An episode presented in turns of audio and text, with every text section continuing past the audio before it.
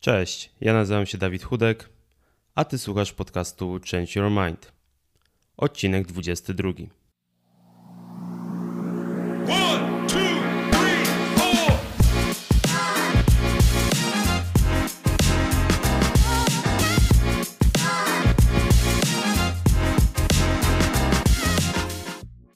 Moją misją jest zdefiniować na nowo rozwój osobisty, uczynić go bardziej dostępnym dla wszystkich – i przekonać jak najwięcej ludzi, że zmiana w życiu jest możliwa, niezależnie od tego, w jakiej aktualnie sytuacji się znajdujesz. Podcast, którego właśnie słuchasz, jest elementem realizacji tej misji wraz z blogiem, do którego link znajdziesz w opisie każdego odcinka. W tej serii przeprowadzam wywiady z inspirującymi ludźmi, a także dzielę się swoimi przemyśleniami, które mam nadzieję skłonią cię do refleksji i pobudzą do działania.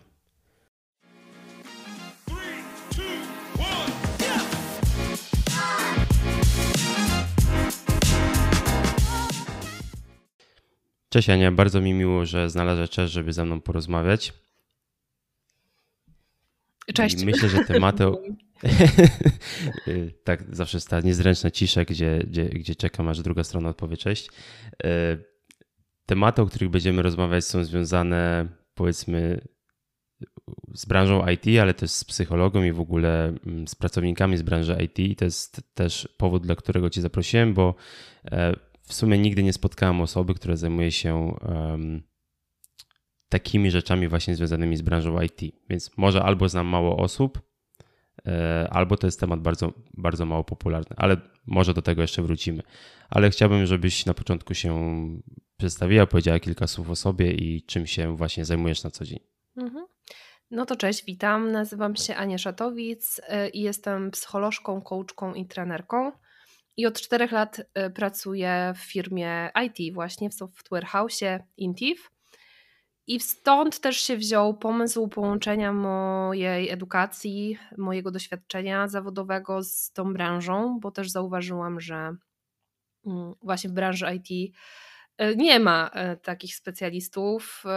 Wiadomo, że nie ma specjalnych studiów psychologia w IT ani coaching w IT są to po prostu pewne innego rodzaju wyzwania mm, z perspektywy psychologicznej, inne podejście do rozwoju, mm, które ja przez te 4 lata mm, pracując w Software House mogłam y, doświadczać, obserwować i mogłam też e, udzielać wsparcia osobom, które pracują w projektach IT, które mają bardzo duże tempo pracy, też bardzo duże wymagania I też są branżą, która jest zdominowana przez płeć męską, a jak ogólnie wiadomo, mężczyźni dużo rzadziej niż kobiety decydują się na korzystanie z takich form pomocy czy rozwoju skoncentrowanym na emocjach na przykład. Więc ta perspektywa właśnie branży IT otworzyła mi też oczy na nowe wyzwania i e, też nowe ścieżki rozwoju dla mnie jako dla psychologa. Mhm. Y, jak rozmawialiśmy wcześniej na temat tego, o czym moglibyśmy porozmawiać, to ja to nazwałem tak roboczo sens pracy w branży IT. Bo generalnie, e, zanim Cię zapytam właśnie, czym jest sens w Twojej opinii, to jednak branża IT ma teraz taką opinię, że to jest bezpieczna przystań, duże pieniądze, e, możliwość pracy z domu, e, elastyczność i tak dalej, i tak więc dużo osób ciągnie, ciągnie do tej branży. Mm, no i teraz właśnie wrócę do tego, o co chciałem zapytać, czyli właśnie czym jest dla Ciebie sens, jeśli właśnie chcemy rozmawiać w kontekście tego sensu pracy, konkretnie właśnie w branży IT. Mhm. Czym jest sens? To jest e, bardzo trudne i złożone pytanie, z tego względu, że dla każdej osoby ten sens będzie czymś innym. E, I też w zasadzie my w swoim życiu bardzo późno zaczynamy się tym sensem interesować, bo mam takie poczucie, że gdzieś w młodości, czy gdy zaczynamy pracować, my się tym sensem w ogóle nie interesujemy. Sens pracy, nie, raczej skupiamy się właśnie na tym, aby znaleźć taką pracę, która będzie dobrze postrzegana przez nasze społeczeństwo, dobrze wynagradzana, gdzie będziemy czuć się dobrze, gdzie będziemy wykorzystywać nasze talenty, a sens, no to jest to takie pojęcie bardzo mgliste, gdzieś kojarzy się z amboną, z księdzem, który mówi o sensie życia. No nie jest to taki sexy temat. Mm, ale później jakby w trakcie jakby rozwoju i sama tego doświadczyłam jakby pracując i żyjąc na tym świecie, mam już 34 lata, no i w pewnym wieku jakby doświadczyłam takiego pewnego rodzaju pustki. Jest to związane z takim przeskokiem też naszego, w naszym rozwoju, w jakimś takim przejściu do wyższego poziomu dorosłości, że tak powiem, jakimś takim kryzysem też wieku może średniego, mm, w którym zaczynamy się zastanawiać, co ja zostawię na tym świecie, co po mnie zostanie, jak zostanę zapamiętany, zapamiętana, e, czemu ja poświęcam czas w swoim życiu, mm, co mi konsumuje ten czas co ludzie sobie o mnie myślą i czy myślą w takich kategoriach, które mnie napawają dumą. No i często jak zadajemy sobie takie pytania, no to dochodzimy do wniosku, że nie jest tak, jakbyśmy chcieli, że w pewnym momencie w naszym życiu skupiliśmy się na przykład na zarabianiu pieniędzy, albo na utrzymywaniu rodziny, albo na rozwijaniu jakiejś pasji, albo na pracy, zaspokajaniu na przykład potrzeb mojego pracodawcy, albo potrzeb mojego szefa, i nagle może się pojawić taka duża złość na siebie często właśnie w moim gabinecie, e, bo też prowadzę swoją działalność po godzinach e, tej pracy etatowej. No i w moim gabinecie często właśnie pojawia się taki, rodzaj frustracji i złości na siebie, że ja jakby zaprzepaściłam te moje 30 lat na przykład życia albo 35 lat swojego życia, bo zaspokajałem albo zaspokajałam potrzeby innych i ja już tak nie chcę dalej. Ja chcę coś więcej, ja chcę zrozumieć, po co ja jestem na tym świecie i chcę świadomie podchodzić do konsumpcji mojego czasu, gdzie ja ten czas alokuję, mm, jakim wartościom ja służę w swojej pracy. Mm, I Często też pojawia się taki oczywiście konflikt pomiędzy życiem prywatnym i zawodowym i my próbujemy się jakoś właśnie w tym odnaleźć, czyli na przykład dobra, no to w pracy zarabiam pieniądze i tam nie ma miejsca na sens, a po pracy robię takie rzeczy, które są dla mnie ważne. Ale szybko okazuje się, że nie da się tak przełączać tego umysłu, że jak ja już złapię, co jest dla mnie ważne w życiu, że ja już, jak wiem już, jaki ja ślad chcę po sobie zosta zostawić, to już ja później doświadczam bardzo dużej frustracji w pracy, która nie jest na przykład spójna z moimi wartościami. Kiedy ja na przykład, moją wartością jest odwaga, wyobrażam sobie, że takim sensem życia może być uczenie moich dzieci, jak być odważnym w świecie, żeby robiły to, co kochają. Albo i chcę robić, chcę, żeby moje dzieci robiły to, co kochają i chcę ich tego nauczyć, a ja idę do pracy, której nienawidzę. No bo mówię, dobra, no i tak muszę jakoś utrzymać te dzieci, więc idę do pracy, której nie znoszę. No i pojawia się rozdźwięk w wartościach i my, mm, mm, i to jest bardzo trudne często do uniesienia tak na dłuższą metę. Mm, dlatego ja jestem zdania, że ten sens jednak życia powinno się realizować także w pracy, że nie powinno się ignorować tej pracy, bo jednak to jest no 8 godzin, w takiej średnio to jest 8 godzin dziennie, to jest ogrom czasu. A nasz umysł się nie przełącza pomiędzy życiem prywatnym a zawodowym. My jesteśmy cały czas ci sami. Więc i te wartości też są takie same, e, właśnie życiowe.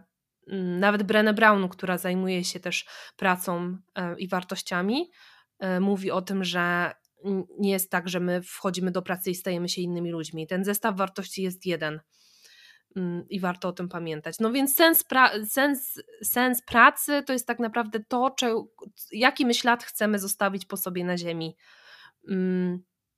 to coś, co sprawia, że jesteśmy dumni, co napawa nas dumą. To coś, co chcemy, co chcemy się angażować, bez względu na to, czy będziemy za to wynagradzani, czy nie, czy ktoś nas poklepie za to po plecach, czy nie. To jest coś takiego, co, do czego mamy taką czystą wewnętrzną motywację, co jest bardzo trudne do e, wyodrębnienia. Dlatego też ciężko się o tym mówi w kilku słowach i tak długo mi to zajęło. Ale to nie jest trochę tak, że jak zaczynamy naszą karierę zawodową, mm, powiedzmy, że jesteśmy po studiach, no i szukamy pierwszej pracy w jakiejś branży, w jakiejkolwiek branży, jakby naszą pierwszą potrzebą jednak jest to, że chcemy zarabiać te pieniądze, no bo jakby one są często punktem wyjścia do innych rzeczy, no i nie oszukujmy się, nie oszukujmy się pieniądze są ważne z punktu widzenia um, utrzymywania się takiej niezależności ekonomicznej, jeśli na przykład mm, podczas studiów byliśmy utrzymywani przez rodziców, no to po tych studiach już chcemy jednak być na tak zwanym swoim. I czy to nie jest kwestia priorytetów, że jakby na, najpierw naszym priorytetem jest to, są pieniądze, a jak już te pieniądze się znajdą, czyli się dorobimy, to zaczynamy szukać tego sensu, bo pieniądze nie są już najważniejsze. Hmm. Dzisiaj sobie myślałam właśnie o tym, jak wyjaśnić mój styl pracy, który ja wykonuję, i sobie pomyślałam, że jestem takim coachem egzystencjalnym. Nie takim coachem, który właśnie mówi, dobra, priorytety, cele, plan rozwojowy. Jestem właśnie taką, takim specjalistą, który nie do końca wierzy w te priorytety, że da się ustalić te priorytety i powiedzieć, dobra, priorytetem teraz są pieniądze, a potem będzie sens. Jakby totalnie rozumiem potrzebę uniezależnienia się i że to jest priorytet na, na studiach. I my też nie jesteśmy, jak ja sobie wspominam siebie w wieku 25 lat i myślę sobie o sensie, to ja sensie pracy i sensie życia, to ja mi się wydaje, że ja nie byłam wtedy w ogóle gotowa na takie pytania. Więc to nawet nie chodzi o kwestię priorytetów, tylko pewnego rodzaju gotowości, też doświadczania siebie w pracy. Bo myślę, że tak trudno jest ustalić priorytety, zanim ja pójdę do pracy. Często one się właśnie klarują w pracy. Ja zaczynam zarabiać jakieś pieniądze, zaczynają się pojawiać nowe potrzeby, y, zaczynam się dowiadywać, jak to jest być w ogóle pracownikiem jak to jest wykonywać swoją pracę. Więc te, w tych priorytetach się bardzo dużo dynamicznie dzieje. E, I też myślę sobie, że dopiero jak my zaczniemy, wpuścimy w ruch ten mechanizm właśnie zawodowy, my sobie jest, będziemy w stanie ustalać te priorytety, ale też wyobrażam sobie też takie os osoby, która, którym takie ustalenie priorytetów pomaga e, czyli na przykład wyznaczanie sobie takich celów rocznych, czyli właśnie ustalanie, dobra, no to ten, ja mam na przykład w tym roku e, w tym roku mam na przykład w priorytetach e, e, e, stabilność finansową, więc to jest jakby nie, nie, nie skończyłam studiów, a teraz mam priorytet jakby mm, mm, takiego dobrostanu finansowego. Myślę sobie, że sens to jest coś, coś, to jest coś poza takimi priorytetami, że to jest coś takiego, co, co pozwala nam trzymać ku, kurs tak długofalowo. E, e, który pozwala nam właśnie eksperymentować czy poszerzać taką samoświadomość e, wokół siebie, bez względu na to, jakie mam priorytety. Mm, że to jakoś nadaje jakość tym priorytetom, że ja wiem, jak ja chcę te priorytety realizować. Nawet jak ja mam, dajmy na to, ten priorytet finansowy, no to ten sens trochę jest ponad tym, nadrzędny wobec tego priorytetu że on wiadomo, że nie powiem, że ja teraz będę e, ascetką i nie będę zarabiać pieniędzy, tylko to jest coś, jak ja chcę zarabiać te pieniądze. Czyli jak ja mam sens i ja wiem, że ja chcę mm, na przykład moim sensem życia jest jakaś troska o naturę, o ziemię, no to wiem, że na przykład nie chcę zarabiać pieniędzy, angażując się w jakieś działalności, które tą przyrodę dewastują. Czyli to mi trochę jakby ustala, jak ja też chcę te pieniądze zarabiać. Yy, bo właśnie mm, co, co często jest problemem, że my tego właśnie tego systemu, w czym te priorytety mamy zanurzone, nie mamy. Czyli my nic nie da dalej w sumie sensu tym priorytetom, że my je ustalamy, no bo fajnie mieć priorytet, żeby zarabiać pieniądze, żeby wystąpić na konferencji, żeby E, mieć dużo kontaktów biznesowych, albo żeby przeczytać na przykład, nie wiem, ileś tam książek rocznie, ale po co? Po co ja chcę to robić? I jeżeli ja nie mam tego po co, no to ja mogę to robić z jakiegoś takiego. Y, są tacy ludzie, którzy robią to właśnie z takiego mechanizmu, po prostu są zmotywowani do rozwoju, lubią to robić, ale jak się ich zapyta, po co to robisz, to jest się nagle pojawia, mm, no bo się lubię rozwijać. No ale czemu się robisz, lubisz rozwijać? No bo, no bo dobrze się jest rozwijać. No ale to dlaczego dobrze się jest rozwijać? Co tobie to daje?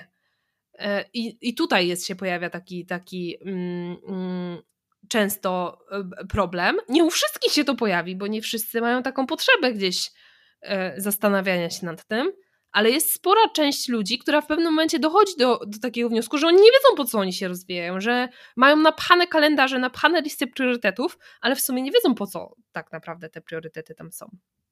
Nie wiem w sumie, czy to odpowiedziało na Twoje pytanie, ale jakoś tak to poczułam, że, że tak, że ten sens jest troszkę nadrzędny wobec priorytetów. Znaczy ja bym tutaj trochę mm, podrążył temat, y, bo jakby tak, y, mamy jakieś priorytety w zależności od tego, mm, na jakim etapie życia jesteśmy.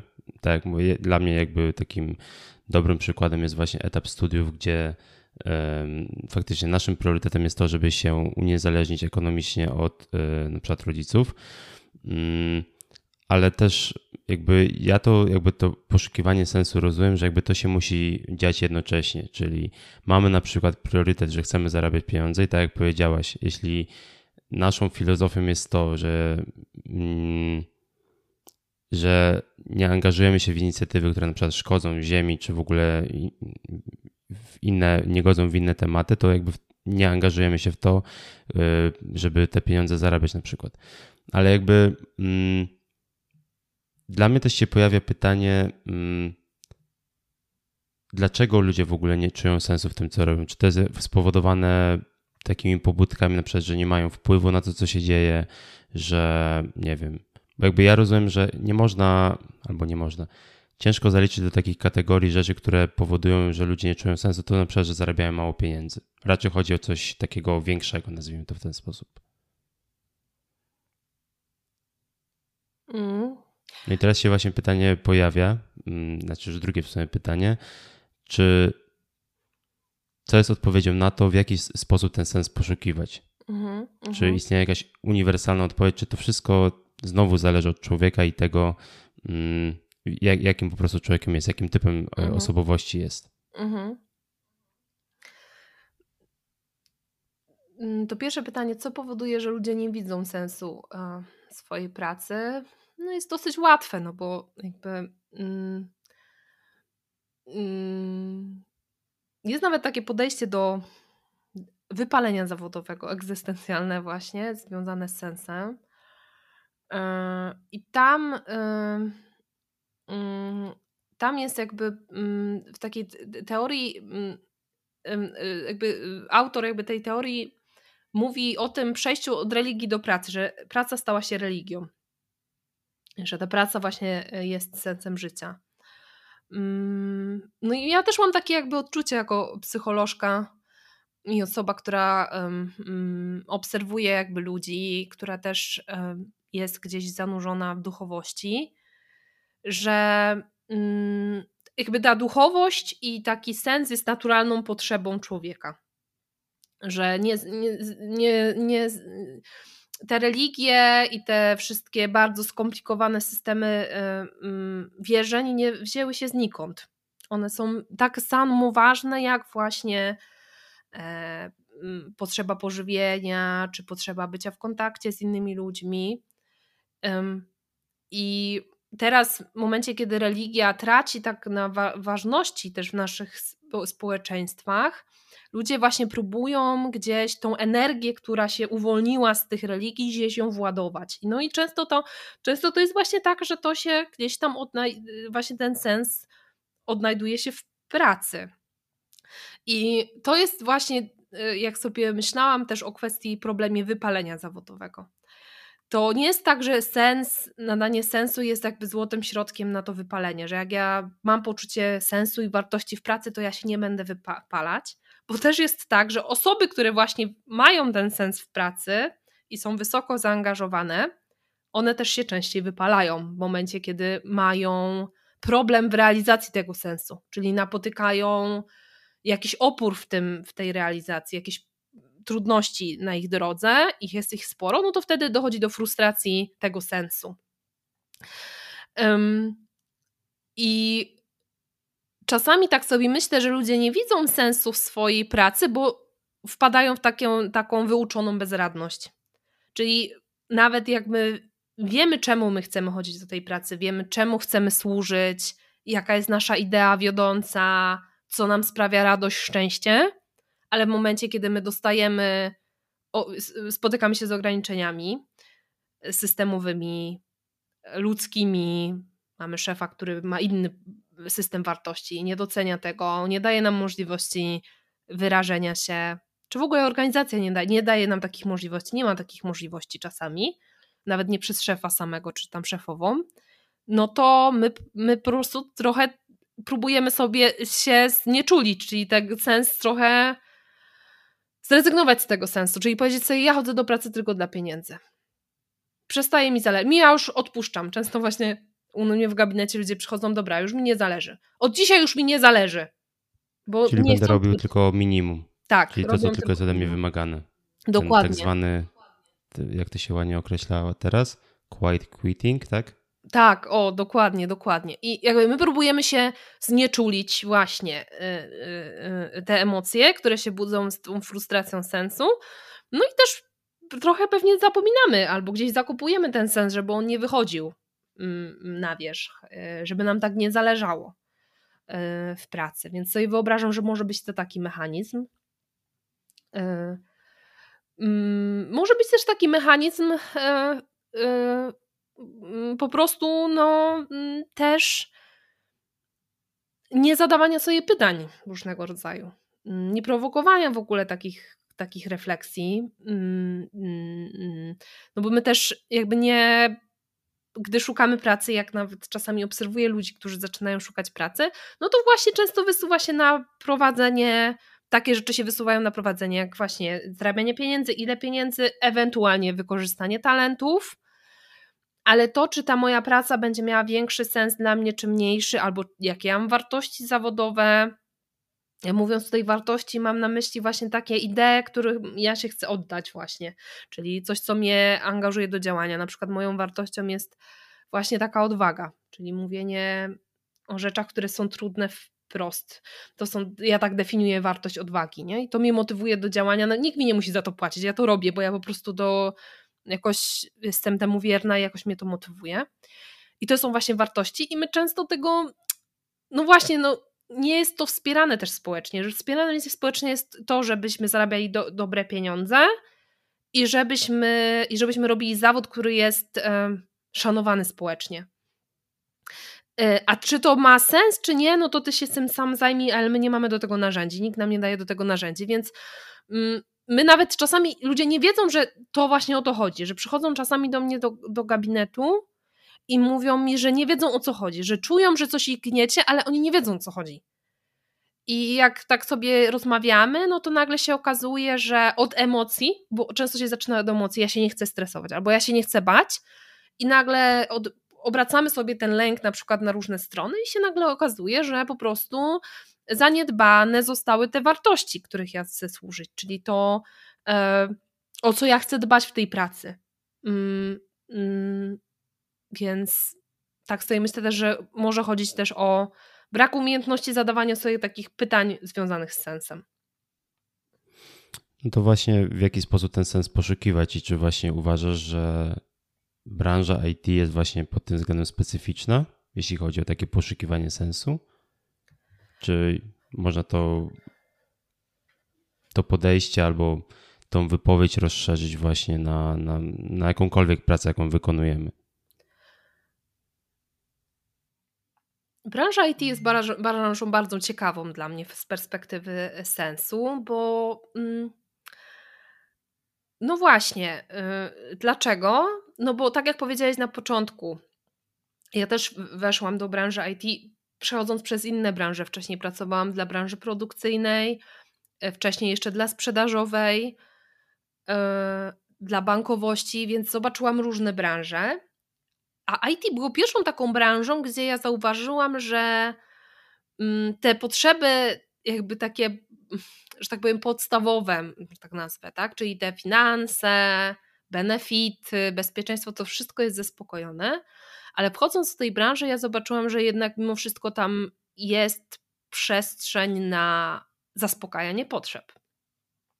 Ale właśnie przez to, że te potrzeby podstawowe, finansowe, e, bezpieczeństwa i różne inne są zaspokojone, często ludzie pracujący w IT mają problem, żeby mówić o swoich potrzebach, że oni mają w ogóle jakieś potrzeby. Że to idzie czasami często właśnie w taką roszczeniowość finansową, niektórzy mówią roszczeniowość, no po prostu mówienie o właśnie takich potrzebach finansowych.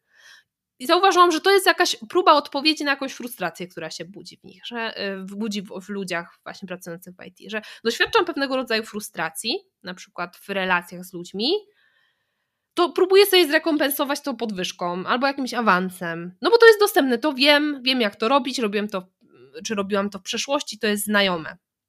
ale idę po kolejną podwyżkę, dostaję kolejną podwyżkę albo zmieniam pracę, ale cały czas jest to samo, czyli jakaś pustka i, i nie wiadomo, właśnie nie wiadomo co.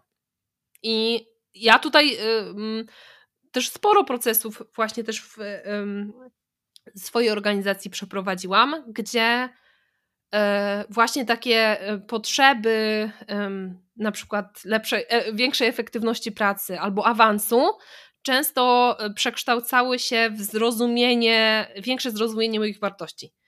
Czyli albo większe zrozumienie tego, czego, czemu, jaki jest sens mojej pracy. Więc często taka ten, ta frustracja e, w branży IT próbuje być zaspokajaniem poprzez jakby finanse, ale to nie jest odpowiedzią. Dla niektórych osób będzie. I to będzie wystarczające. Nie, nie, nie we wszystkich przypadkach tak jest, że ktoś na przykład ma zaburzony sens, znaczy, albo frustrację sensu bo, bo, i, i Niektórzy po prostu mają frustrację finansową, to jest dla nich cel i to jest ok, ale jest część osób, która w pewnym momencie sobie zdaje sprawę, że te pieniądze już nic nie dają. To nie ma znaczenia, czy on zarabia 20 tysięcy czy 30 tysięcy i tak się źle czuje i jest niezadowolony z pracy. I tu się pojawia też wyzwanie. Też z drugiej strony widzę takie wyzwanie w branży IT, że często yy, yy, i pojawiają się już też takie historie, że pracowałem w branży IT, ale otworzyłem browar i jestem szczęśliwy. Albo pracowałem, byłem specjalistą, byłem programistą 20 lat, zostałem piekarzem, jestem szczęśliwy. I to jest jakaś taka mm, mm, odpowiedź na jakąś taką potrzebę, którą ja też widzę, żeby wrócić trochę do innego rodzaju pracy, do pracy z przedmiotem. Y, tak sobie też myślę o mężczyznach, że mężczyźni też mają w sobie jakiś taki pierwiastek twórczy, taki pierwiastek, który oni chcą widzieć efekt, chcą mieć wpływ. A często właśnie w dużych projektach w IT często trudno jest zobaczyć ten swój wpływ. Albo pracuje się na przykład wiele miesięcy nad jakimś rozwiązaniem i nagle to rozwiązanie jest zaorane, albo jest, rezygnujemy z jakiejś funkcji. I, jest frustracja, no bo jednak mój, mój twór, to co ja stworzyłem, czy stworzyłam, włożyłam w to mnóstwo pracy, jest nagle usuwany. I co się pojawia w, w głowie tej osoby, to jest nieważne, to jest niewartościowe. No i, no i często jakby tak sobie myślę, że w tych historiach z zostaniem browarnikiem, czy, czy piekarzem, czy piekarką jest troszkę taka potrzeba e, zrobienia chleba i sprzedaży i zobaczenie, że te, tym ludziom ten chleb smakuje i ci ludzie są zadowoleni. Jak mi nawet jeden chleb nie wyjdzie, to drugi mi wyjdzie. Jest szybszy efekt. E, ale też jakby spotkałam się ze swoim gabinetem z takim obawą. Mm, pamiętam kiedyś taką sesję, w której rozmawialiśmy o robieniu stołów z moim, z moim klientem i jakby ta wizja tego, że ja jak społeczeństwo zareaguje na to, że ja z takiej dobrej, dobrze opłacanej pracy, z bezpieczeństwa rezygnuję, żeby robić stoły, które totalnie jest jakby niepewne, nie też takie społecznie właśnie dobrze widziane. No, czasami jest tak, że ja dochodzę do ściany, ja chciał, mam ten pomysł, pragnę tego robić, ale nie zrezygnuję z tego, no bo to jest jednak duży, duży, duży poziom ryzyka. I też ja sobie myślę, że nie każdy musi rzucać tą pracę i od razu być kiekarzem czy robić stoły. Ale ta informacja, że jakby ja chcę y, inaczej albo chcę innej pracy, jest ważna i można modyfikować nawet w małych elementach to swoją pracę, albo pomyśleć sobie w jakiej innej jakby na przykład firmie, na przykład ten efekt, widoczność tego efektu może byłaby szybsza. Czyli nie od razu robić rewolucję w swoim życiu, bo też sobie myślę, że to może, że to może być bardzo deregulujące i y, może doprowadzić y, no też do, do, do depresji na przykład, bo, bo ktoś ma jakąś taką zbyt duże cele nierealne cele. Więc myślę, że chodzi o takie małe kroki. Uświadomienie sobie też tego, właśnie ja często klientom właśnie wyjaśniam, y, że są potrzeby, wartości, emocje i wiedza o tych wszystkich jakby procesach psychologicznych jest bardzo ważna, czyli jakie ja mam potrzeby, jakie ja mam wartości, jakie ja mam emocje, I te wszystkie, te, trzy elementy, głównie ja się skupiam na tych trzech elementach, już dają jakieś informacje, bo ja mam potrzebę bezpieczeństwa, bezpieczeństwa, mam rodzinę, którą muszę utrzymać, to jest jakby potrzeba. To może być też wartość, utrzymanie rodziny, czy bezpieczeństwo rodziny, ale mam też wizje swoje idealne y, tego, y, jak chcę, żeby moja praca wyglądała, że chcę, żeby chcę robić coś dobrego dla ludzi, co, z czym ludzie widzą wartość i jakby poukładanie, tutaj są, widzę, myślę, że do priorytetów, ale też zobaczenie, ułożenie tego w całym systemie, zobaczenie tego, co jest dla mnie ważne tu i teraz, pomoże podjąć też takie decyzje e, e, zawodowe, myślę, że lepsze. Jak ja wiem, co się pojawia w tym moim całym systemie wewnętrznym. Bez świadomości tego można faktycznie podjąć taką decyzję, która rozreguluje jeszcze bardziej ten system albo nie zadba o coś na przykład w potrzebach i wtedy y, może być to po prostu bardzo trudne doświadczenie. Ale wszystko jest do, wszystko jest do zrobienia. Ale to nie jest trochę tak, że mm, jest taki obraz pracowników właśnie w branży IT, że to są ludzie szczęśliwi, bo zarabiają dużo pieniędzy, pracy generalnie nie brakuje. Jeśli zostaną zwolnieni, to z dnia na dzień znajdą inną pracę i tak dalej, i tak dalej. I może z tego też wynika to, że jak ktoś się decyduje na taki właśnie krok um, zostania tym piekarzem, czy podjęcia innego, innego zawodu, mm, który kompletnie nie jest związany z jego codzienną pracą, to właśnie dlatego to wywołuje takie zaskoczenie czy niedowierzanie wśród ludzi, bo przecież branża IT to jest taka, gdzie dużo się zarabia i praca jest w brud. Ale to, co jakby mi się pojawia, takie pytanie, które też chciałbym zadać, jest związane właśnie z tym słynnym work-life balance, czyli czy, czy ta branża temu sprzyja? Mhm. I tak, tutaj bym postawił znak zapytania, czy ta branża temu sprzyja? Mhm. I czy w ogóle możemy mówić o czymś, co się nazywa work-life balance, bo w jednym z poprzednich odcinków miałem gościa, który stwierdził, że to pojęcie nie istnieje z tego tytułu, że zawsze którąś z tych sfer naginamy kosztem innej. Mhm. Dobra. Postaram się odpowiedzieć na y, trzy rzeczy z tego wypowiedzi Twojej, które mnie tak zatrzymały. Pierwsza z nich jest właśnie to stereotyp tej branży albo podejście do tej branży. E, tak jak wspomniałam, trzeba być myślę, że bardzo uważnym też z perspektywy przyjaciół czy znajomych ludzi, którzy pracują w branży IT, mm, żeby tego właśnie trochę nie, mm, nie nadużywać, tego, mm, tego szczęścia wynikającego z pieniędzy i, i pozycji. Że też w moim gabinecie często pojawia się taka kwestia, że ja nie mam prawa w ogóle narzekać. Ja nie mam prawa w ogóle mieć problemów, bo ja dobrze zarabiam. O co mi chodzi? Ja to są jakieś wymysły. Nie wiem po co w ogóle tu do ciebie przyszedłem. Przy... To jest ze społeczeństwa, tak? To nie jest jakby, jakby ta osoba myśli, że społeczeństwo myśli, że ta osoba nie ma na co narzekać, bo znowu wracamy do tematu pieniędzy, nie? Tak, no to jest internalizowane też e, taka społeczna e, norma, no bo to słyszy, słyszymy, tak? I też to idzie też z jakimiś naszym, naszymi przekonaniami, że jakby e, jak wchodzę do, to sobie może być, to są może jakieś moje marzenia z przeszłości, które zrealizowane nagle się okazują nie takie super, jak sobie myślał czy myślała. Więc tu bym była ostrożna z tym i, i, mam taki apel właśnie do osób, które pracują w branży IT, którym, którym pojawia się takie przekonanie, że ja nie mam prawa narzekać albo nie mam prawa powiedzieć, że jest mi ciężko i trudno, bo dobrze zarabiam e, i pracuję w branży IT. Mnóstwo ludzi chce się tutaj dostać, a ja to mam, mm, żeby sobie nie odbierać prawa do myślenia o swoich potrzebach e, czy rozwoju bo rozwój nie jest linearny. To nie jest tak. Ten rozwój może być naprawdę bardzo różnorodny i mm, to nie jest tak, że ta osoba musi być w tej branży IT. To jest też tak czasami, że, ja, że, te, że mamy tak w głowie, że jak się dostałem do tego, czy dostałam do tego IT, to już muszę tu zostać. Nawet jak czuję, że coś jest nie po kolei tutaj w tych moich wartościach, to ja muszę tutaj zostać. Żeby jednak dać sobie przestrzeń na zaopiekowanie tych potrzeb. I że to są ważne rzeczy, które się dzieją mm, żeby tego nie ignorować. Mm, druga rzecz to jest work-life balance, o której powiedziałeś, czy istnieje. Mm, bardzo y, przychylam się do tego, co powiedziałeś, że to, że to jest taki koncept, który powstał mm, z jakichś tam potrzeb usystematyzowania właśnie tego podejścia, czy zachęcenia ludzi do, do balansu.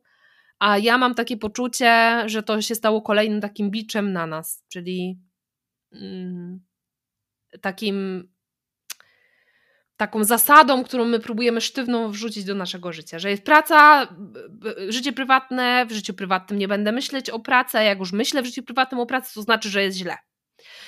I nie da się tego tak, nie da się oddzielić dwóch, tych dwóch sfer. Często ludzie przychodząc do mnie na, na coaching, myślą, że ten coaching musi być tylko o pracy. Jakoś sztywno na przykład trzymają się tych problemów związanych z pracą, a ja czuję, że coś jest na rzeczy i gdzieś tam na piątej sesji nagle wychodzi, że jednak coś, ta praca się rozlewa na życie prywatne, albo życie prywatne wpływa na to, jak ja się czuję w pracy, jak ja się stresuję. No i trzeba to zaadresować. Yy, I, yy, i to jest, to jest ok. Jakby to, że ja czasami nie mam równowagi, że czasami więcej popracuję, bo chcę, bo to jest ważne, albo czasami mniej popracuję, bo też tak chcę, bo to jest ważne, to jest ok. I to, że ja pojawiają mi się myśli o pracy w trakcie urlopu, to jest całkowicie naturalne, bo praca jest ważnym elementem twojego życia. Więc czasami więcej robi nam szkody takie samobiczowanie za to, że ja myślę o pracy w wakacje, albo że ja sobie sprawdziłem maila wakacje, na wakacjach i to jest coś złego, jestem zepsuty czy zepsuta, bo ja sobie sprawdzam maila, to nam więcej robi krzywdy.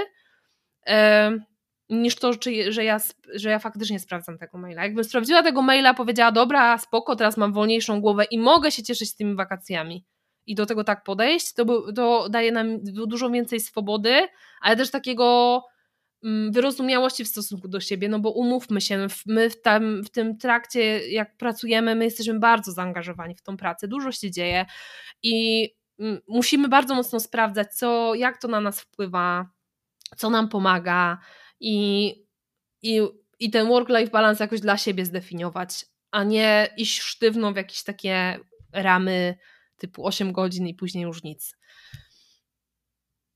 Mm, nie wiem, czy na odpowiedziałam na wszystko, jak o czymś zapomniałam. I jeszcze trzecia była kwestia. Właśnie trzecia, ale już nie pamiętam. Tak się bałam, że właśnie zapomnę. E, to znaczy tak, e, ja właśnie głównie pytałem o ten work-life balance, bo mm, wydaje mi się, że właśnie w kontekście też mm, znowu, no mówię o branży IT, ale myślę, że to nie jest y, jakby problem od, od, od, odosobniony i nie jest związany z innymi branżami, to to, że właśnie mamy to wypalenie zawodowe, które właśnie przez co można je definiować. Co w ogóle, bo ja w sumie nigdy nie tak nie zgłębiałem tematu, ale właśnie mówi się o wypaleniu zawodowym um, i tak dalej, i tak dalej, tylko właśnie co przez to definiujemy, jakie są, kiedy możemy stwierdzić, że ktoś ma wypalenie zawodowe. Mhm. Chciałam powiedzieć, że nie możemy tego stwierdzić, e, ale trochę jest w tym prawdy, że mimo, że Krystyna Maslarz stworzyła, nie tylko ona, jest kilka mm, kwestionariuszy diagnozujących wypalenie, więc po tym to może być jakiś trop, że to wypalenie mhm. Mm, ma miejsce.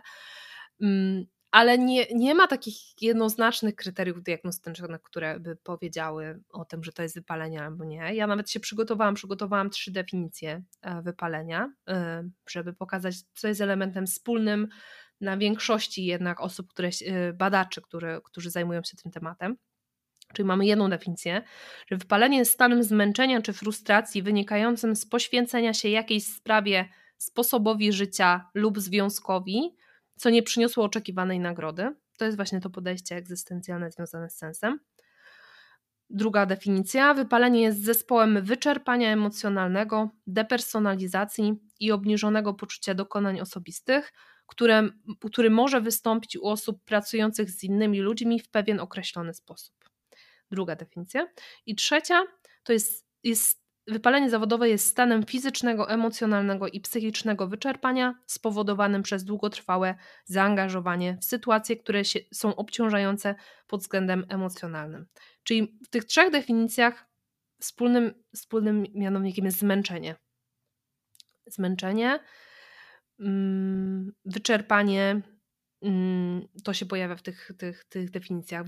I różnie tutaj ci badacze do tego podchodzą. Z jednej strony jest to frustracja sensu, z drugiej, z drugiej perspektywy jest kontakt z różnymi, który nie e, przynosi takiej satysfakcji jak zamierzona i jest też e, obciążenie emocjonalne, zaangażowanie w sytuacje, które są obciążające e, emocjonalnie.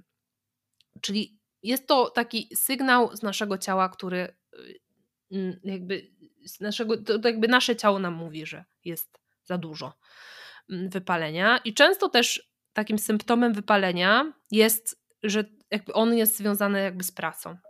Że ono nie pojawia się, to nie jest zmęczenie właśnie w życiu prywatnym czy związkami. Jest to typowo związane z tym, co ja robię zawodowo.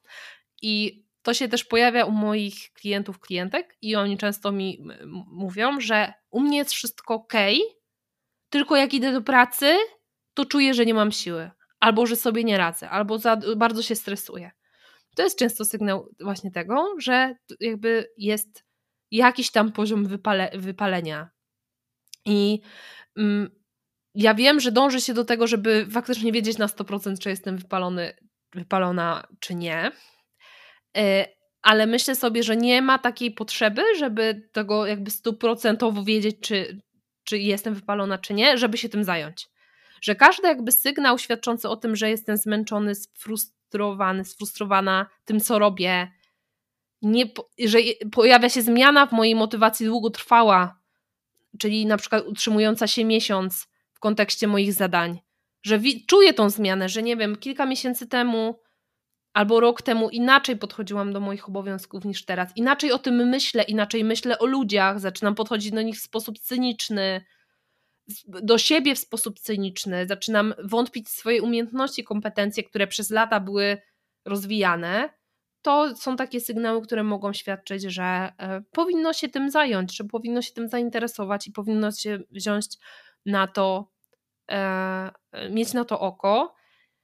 I to, że nie mam problemu w życiu prywatnym, albo dobrze się czuję w życiu prywatnym, nie znaczy, że nie mam, e, nie mam z tym, e, nie potrzebuję wsparcia.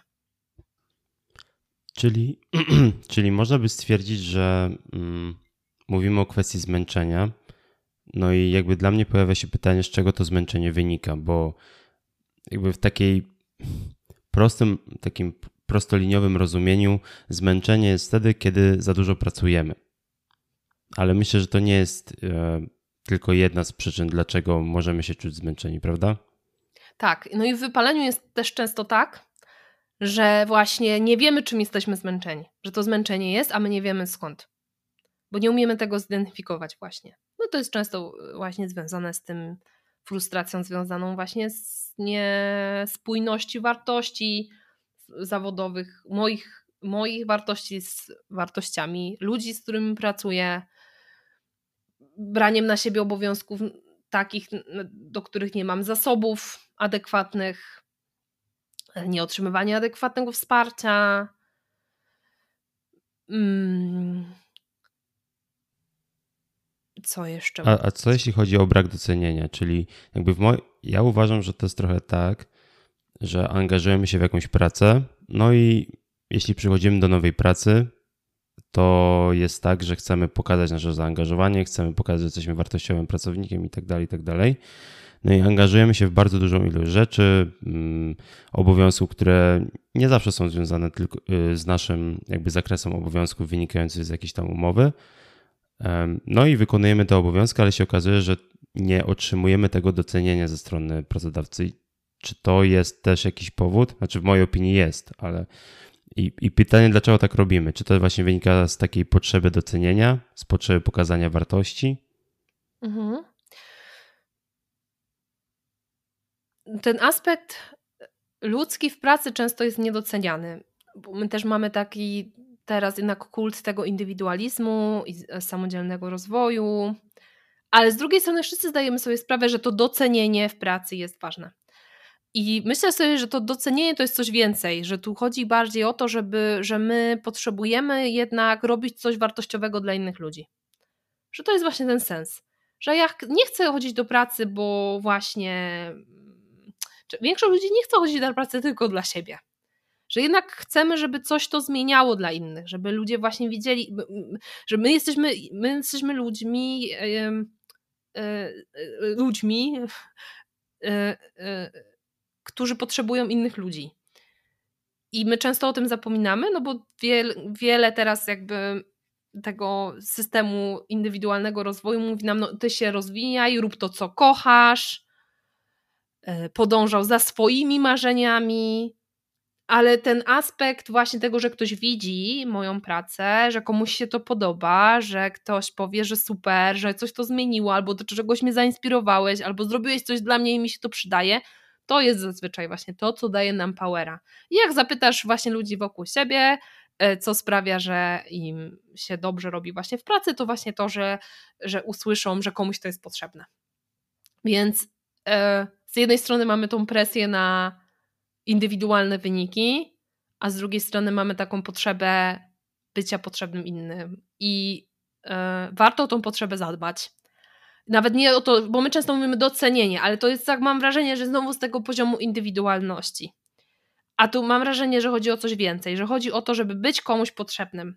I żeby o to zadbać, żeby o to pytać ludzi, jak ci, y, co widzisz w mojej pracy, albo to, co doceniasz, nawet samemu szukać tego, bo yy, my jeszcze nie mamy takiej kultury, gdzie e, zwracalibyśmy na to uwagę. Ja bardzo Was zachęcam, słuchaczy, do tego, żeby jak najczęściej doceniać pracę innych, czyli jak najczęściej mówić innym, że widzicie, że to jest ważne, albo że coś się zmieniło. Mm, każdy z nas teraz obserwuje twórców w internecie, czy naszych znajomych w pracy, żeby to jednak zmieniać ten nasz świat, właśnie będąc częściej właśnie aktywnym w tym dawaniu innym znać, że ich praca ma, ma dla Was też sens. Czyli to jest, ja przepraszam, że ci przerwałem, ale jakby to mi nasuwa takie zdanie, że warto w pracy być człowiekiem. Czyli nie tylko chodzimy do pracy po to, żeby wykonywać dane zadanie, odbębniać jakieś taski codziennie, ale jednak powinniśmy tą ludzką twarz też pokazać właśnie poprzez docenienie innych. Tak mi się jakoś to skojarzyło. Tak, i też docenienie siebie, bo my jesteśmy całkiem dobrzy w tym dojeżdżaniu siebie i nasz umysł ma, ma mm, taką orientację negatywną, czyli wszystkie feedbacki, które są negatywne, są jak nasz mózg ściąga jak magnes i przylepiają się do naszej głowy. Więc warto też o to dla siebie, to dać do swoich gdzieś tam priorytetów, żeby zadbać o to, żebyście wy też e, widzieli sens swojej pracy, żebyście o to przeznaczyli na to jakąś półkę w swoim umyśle i trochę swojego czasu, żeby szukać też mm, informacji o tym, że praca ma sens. A jeżeli tego nie dostaniecie, to się zastanowić, co możecie zrobić, żeby ta praca stała się bardziej potrzebna dla innych, bo wtedy możecie wzmacniać ten sens taki który pomaga trochę w prewencji wypalenia. No bo jak my jesteśmy potrzebni, to też trzeba tutaj wi wiadomo e, być na to uważnym, ale tak, bycie potrzebnym bardzo mocno pomaga e, w mm, regulowaniu własnych emocji i w motywowaniu, do, w zaangażowaniu się do działania. Jeżeli czujecie, że wam motywacja spada, zastanówcie się, co inni stracą, jak wy tego nie zrobicie, albo czego inni nie dostaną, i wtedy to też mocno wpływa na to, żeby to zaangażowanie e, e, rosło. To ostatnie pytanie, jakie nachodzi mi, nachodzi mi na myśl, nie wiem czy tak to się mówi, ale które, które chciałbym Ci zadać, to właśnie perspektywa pracodawcy, czyli mamy pracownika, który mm, chce ten sens mieć, chce, żeby mu się pracowało dobrze, chce jednak tego wypalenia zawodowego uniknąć, ale z drugiej strony właśnie mamy pracodawcę, który ma obowiązek, nie wiem czy tak można to powiedzieć, żeby zadbać o ten dobrostan pracownika. No i myślę, że w dzisiejszych czasach, mm, tak jak mówisz, kwestie pieniężne są czymś oczywistym, kwestie benefitów, słynnych owocowych czwartów, czwartków i tak dalej są jakby rzeczą naturalną i myślę, że większość firm te, nazwijmy to, standardowe benefity oferuje ale co pracodawcy właśnie w branży IT mogą zrobić, żeby ten dobro, zadbać o ten dobrostan pracownika, taki mhm. emocjonalny, właśnie też związany z tym, z tym, żeby pracownik widział sens pracy, który, którą robi. Mhm. Tak patrząc z perspektywy tych lat, które spędziłam w IT, myślę, że ogromnym znaczeniem ma to, jak, e, jak firma traktuje menadżerów liniowych. Bo jeżeli menadżer liniowy nie widzi sensu w byciu w firmie, albo widzi sens tylko w pieniądzach, albo jest to tylko z przymusu, bo już tu jest tyle lat i już. Ale nie widzi sensu tej pracy, to będzie mu też trudno moderować ten sens u, u swoich ludzi. Więc myślę sobie, jakby taką, jakbym miała radę dawać pracodawcom, to zadbanie o tą kadrę właśnie menadżerską, tą, która jest najbliżej jakby ludzi, która jest najczęściej najbardziej obciążona, bo mają bardzo dużo właśnie obowiązków z różnych stron y, płynących, żeby zadbać o tą, o tą część, y, która ma bezpośredni kontakt właśnie z pracownikami, aby oni mieli czas na to, żeby ten sens eksplorować swój żeby mieć czas na e, eksplorowanie swojego stylu bycia menadżerem, żeby mieć czas na kontakt jakby z ludźmi, budowanie relacji z ludźmi, bo ten kontakt właśnie pracownik, menadżer może być naprawdę piękną taką relacją mentorską, takiego, takiego, takiego wsparcia, wzajemnego rozwoju, ale ci ludzie muszą mieć na to czas. Więc z jednej strony myślałam sobie o takich integracjach, wyjazdach integracyjnych i tak dalej, ale myślę sobie, że taki oprócz takich oczywiście kontaktów na, za, na zasadzie zabawy, taki kontakt codzienny właśnie pracy zawodowy, takiego codziennego wsparcia, przechodzenia przez jakby wzloty i upadki razem jest mega kluczowy. Dlatego ci menadżerowie nie powinni mieć na to przestrzeń, na kontakt z ludźmi.